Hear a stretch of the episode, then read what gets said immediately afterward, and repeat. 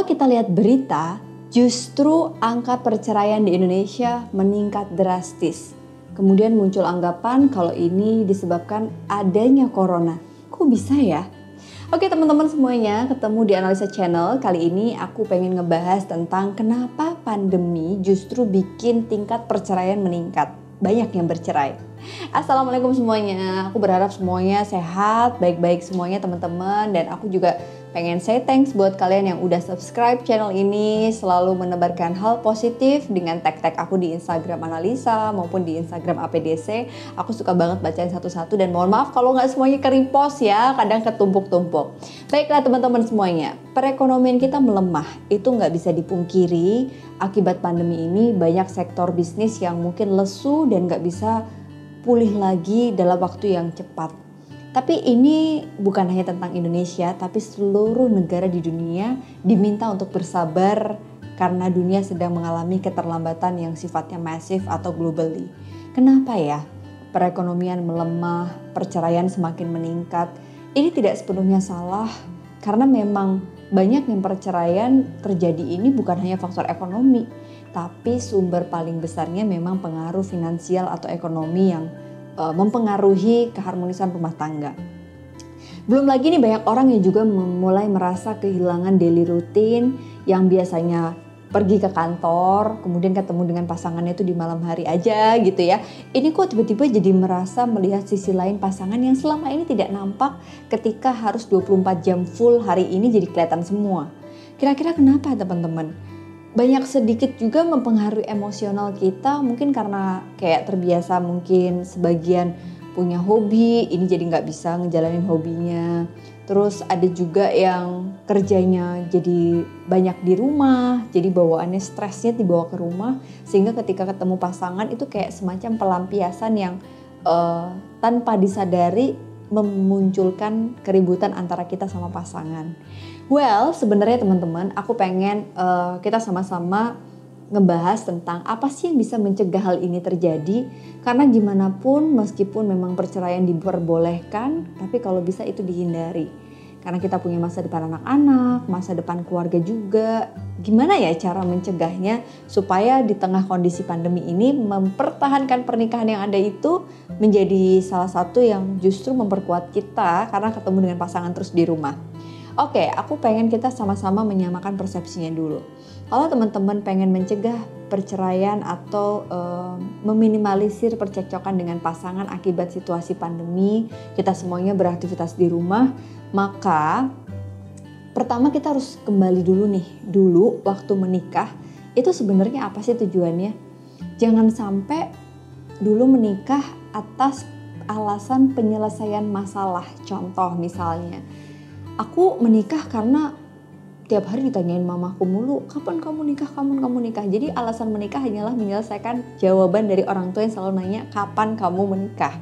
Terus belum lagi kalau misalnya kita menikah itu kita nggak mikirin bahwa sebenarnya bukannya menyelesaikan masalah tapi justru kita membuka lembaran baru yang mungkin akan berpotensi menimbulkan masalah-masalah baru loh teman-teman.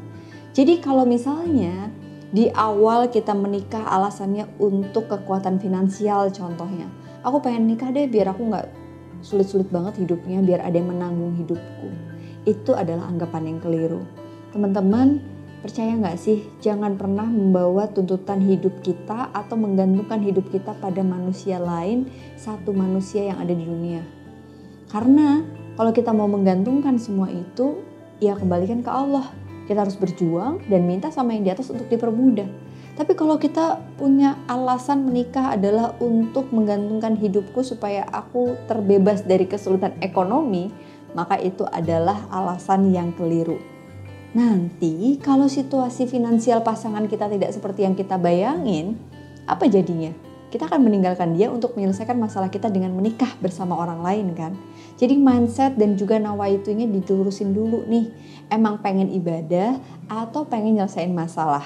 Oke. Yang kedua, siapa sih yang sebenarnya salah? Perceraian itu dapat terjadi kenapa? Apakah karena si suami, apakah karena si istri? No, keduanya. Aku bisa bilang keduanya karena menurut aku semuanya punya andil dalam gagalnya sebuah rumah tangga.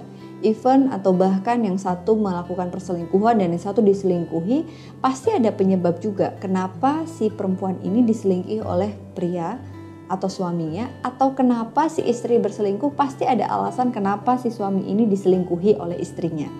Jadi mulai dari cekcok, masalah ekonomi, KDRT, pasangan selingkuh, pasangan masuk penjara, pasangan poligami, dan kita nggak bisa nuduh semua ini salah dia. Tapi kita sebagai pasangan yang menikah, salah satunya bertanggung jawab atas kesalahan dari rumah tangga kita atau pasangan kita. Jangan pernah blaming pasangan kita satu sisi, karena kita juga punya andil Ingat, your life is your responsibility, teman-teman. Kemudian yang berikutnya nih, teman-teman. Terus gimana dong cara membuat pernikahan itu bisa awet, harmonis, dan membuat kita tetap punya personal space dan juga personal time yang memang membuat kita bisa menemukan true voice kita. Oke, ada yang menganggap remeh hal ini. Dianggapnya kalau sudah menikah berarti kita harus kehilangan waktu dengan diri sendiri. No, itu salah Ibaratnya kalian itu adalah sebuah tangki yang aku sering bilang, tangki itu mengisi bensin ke pom-pom yang dia temui dalam perjalanannya. Kalau tangki ini nggak diisi bensin lagi, maka ketika menuangkan bensin suatu hari di salah satu pom, bisa jadi rusak dong tangkinya karena nggak pernah diberi isi tangki ini nggak pernah diisi bensin yang baru gitu. Jadi ibaratnya kalian itu sekarang memberikan energi positif jadi istri yang baik, jadi ibu yang baik, jadi suami yang baik, jadi ayah yang baik, tapi nggak pernah memberikan space atau kebaikan untuk diri kalian. Jangan salahkan orang lain kalau ternyata kalian merasa ada yang kosong dengan diri kalian karena tidak pernah diisi oleh sesuatu energi yang positif. Penting banget loh teman-teman untuk mengenali diri kita. Tanya apa yang sebenarnya kita mau, apa yang kita butuhkan. Punya hobi itu penting banget kalau teman-teman gak punya hobi, at least teman-teman punya kebahagiaan yang tidak tergantung pada suami atau keluarga atau anggota keluarga yang ada di rumah itu atau anak kita.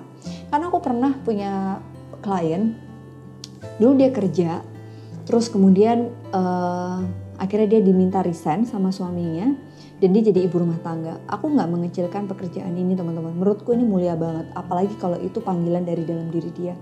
Tapi ternyata dia ada kesalahan yang tidak disadari dilakukan sampai akhirnya dia merasa ini kesalahan terbesar ketika waktu dia ngurusin anak sendiri, ngurusin rumah sendiri, semua kebahagiaan dia digantungkan kepada anaknya karena suaminya sibuk kerja.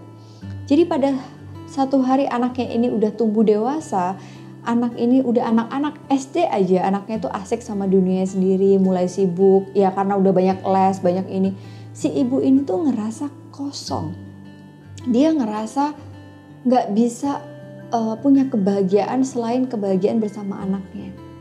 Akhirnya ibu ini menjadi orang yang sangat protek terhadap anaknya pada anaknya laki-laki dan akhirnya anak ini punya masalah emosi sosial yang nggak baik karena di usia dia dia tergolong tidak mandiri dan tidak dewasa. Jadi ibu ini baru menyadari ternyata pola traumanya adalah dulu waktu dia kecil dia sering ditinggal oleh ibunya untuk bekerja sehingga saat dia punya anak dia nggak mau ninggal sedikit pun. Tapi dia baru sadar bahwa nggak masalah sebenarnya nggak kerja jadi ibu rumah tangga. Tapi kalau itu dilakukan atas dasar luka kita di masa lalu yang belum selesai, maka ini yang menjadi bahaya teman-teman. Kita jadi melakukan pola yang salah di bawah ketidaksadaran kita maka penting untuk disadari apa sih sebenarnya yang pengen teman-teman lakukan atas peran sebagai istri dan juga ibu sehingga kebahagiaan kita tidak digantungkan pada sosok-sosok lain yang kita miliki dalam hidup kita. Penuhi dirimu, maka kamu akan memenuhi orang lain. Nah, teman-teman ini yang sering banget nih istilah it takes to the tango. Kayak ya namanya dalam pernikahan mau nggak mau semuanya harus saling berkorban, ya kan? Kompromi dengan salah satu pasangan, cari jalan keluar. Coba ditonton video aku yang barengan sama suamiku yang geret paksa untuk nonton uh, untuk syuting YouTube ini gitu ya. Tapi kebetulan banget dia barusan aku ajakin syuting tapi nggak bisa karena lagi sibuk ada kerjaan. Padahal seru seru nih ngebahas ini sama dia. Kenapa di pandemi banyak yang cerai? Pasti dia pendapatnya bisa. Hmm. Jadi gini teman-teman, it takes to the. Nggak pernah akan bisa kita menuntut pasangan kita tanpa kita berkontribusi untuk memenuhi harapan dia. Jadi yang namanya pasangan tuh ya saling mengisi. Jangan pernah menganggap pasangan kita tuh sempurna, tapi sempurnakanlah ketidaksempurnaan dia, itulah tugas kita sebagai pasangan. Jadi kalau sekarang kita cari aman, setiap ada perbedaan kita pengennya menang sendiri, setiap uh, ribut kita pengennya dia yang ngalah, iya nggak bisa. Semuanya harus bareng-bareng, beriringan bersamaan. Kayak kita lagi berdansa, ya dua-duanya harus sama, seiring dan seirama. Oke teman-teman semuanya, kalau udah punya anak, uh, bagaimana kita bisa bicara tentang ini tugas ayah, ini tugas ibu. No, parenting is not only for mom or dad, tapi juga keduanya. Ini kan tugas kamu jadi ibu urus anak. Kamu aja yang ibu-ibu lah, ini bukan tugasku. Ini kan tugasmu sebagai bapak. Kalau aku lihat, ini adalah salah satu sumber yang menyebabkan tuntutan itu menjadi satu ekspektasi yang tidak terpenuhi dan jadi sumber stres dalam masalah rumah tangga. Namanya orang tua punya anaknya bareng, ya diasuhnya bareng. Gak pernah ada ini tugas siapa, ini tugas bersama. Cuma porsi tanggung jawabnya memang lebih besar yang mana.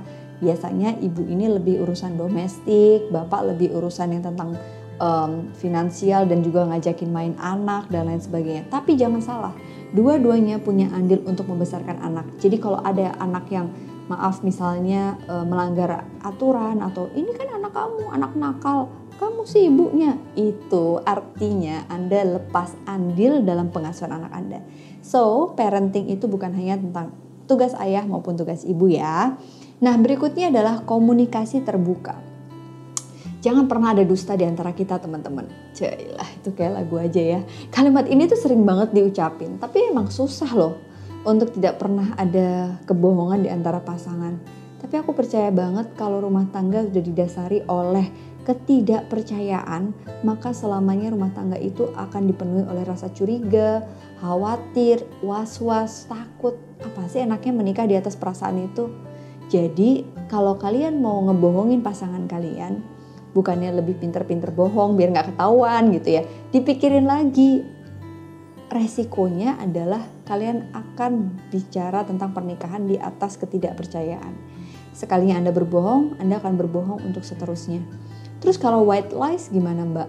Ya mungkin aku juga sering sih kadang-kadang misalnya di satu situasi aku kayak nggak cerita dulu. Tapi at the end of apa pun akhirnya aku akan cerita ke suamiku dan itu nyaman banget. Kita ngerasa nggak perlu ada rahasia nggak ada skat nggak ada boundaries yang gimana gimana dia mau lihat handphoneku ya kasih aku lihat handphonenya ya kasih gitu. Dan membuat kita jadi merasa aman di setiap situasi. Perasaan aman ini membuat kita jadi nggak gampang cemburuan jadi nggak gampang ribut. Dia mau pergi ke mana kita udah percaya Bismillah saya mau pergi ke mana juga Bismillah gitu kan. Jadi ini adalah fondasi paling awal pernikahan harus didasari oleh rasa percaya teman-teman Terus komunikasi yang terbuka ini juga membuat kita berkompromi terus dalam komitmen. Ya kadang-kadang kita harus butuh ada kompromis misalnya terkait penghasilan. Kalau aku sih ngerasa ya kita tujuannya untuk mencari nafkah buat keluarga ya bukan untuk senang-senang sendiri. Dan percayalah bahwa Allah itu udah ngasih pintu rezeki itu berdua. Bukan ini duitku, ini duitmu gitu. Kalau aku pada prinsipnya kalau tiba-tiba dibuka rezekinya lewat suami berarti itu rezekiku sama anak-anak. Kalau dibuka rezekinya lewat aku berarti itu rezeki suami sama anak-anak. Itu tuh bakalan membuat kita jadi kokoh hubungannya teman-teman. Ngerasa nggak ada yang mengkhianati soal finansial satu sama lain itu penting banget. Walaupun tetap dikasih kesepakatan siapa yang jadi perencana keuangannya. Oke, yang terakhir teman-teman aku pengen menutup dengan satu statement. Marriage itu adalah sesuatu yang is a beautiful mess bisa dibilang kita tuh akan menikmati eh, momen-momen uh, ini. Kadang ada senangnya ada sedihnya dan gak pernah ada pernikahan yang sempurna. Tapi tugas kita adalah menyempurnakan pernikahan kita. Jadi selamat uh, berproses enjoy your journey teman-teman. Jangan pernah ngebandingin pernikahan kita sama pernikahan teman kita karena nggak apple to apple orang yang nikah aja beda gitu kan yang dinikahi juga beda masa bisa dibandingin sih? Percaya aja semua itu kembalikan lagi ke nawa itunya dan insya Allah kalau emang niatnya ibadah semua akan dipermudah. Jangan lupa bersyukur ya teman-teman karena kita punya andil dan tanggung jawab untuk membuat pernikahan kita bahagia bersamanya. Dan buat kalian Aku pengen ngucapin makasih banget yang udah nonton Bang Analisa kali ini. Jangan lupa habis ini peluk pasangan kalian, ungkapin rasa sayangnya, ucapin juga makasih udah menjadi pasangan terbaik untuk aku hari ini. Coba kapan terakhir kali kamu appreciate pasanganmu? Pasti dia kaget, pasti mau naik uang bulanan ya atau pasti mau beli sesuatu ya kalau laki-laki lagi kayak gini biasanya bapak-bapak ini lagi ada yang pengen dicari nih. Oke, sekecil apa pun syukuri aja karena bisa jadi masalahmu adalah doamu yang sebelumnya. Selamat naik kelas teman-teman. Assalamualaikum.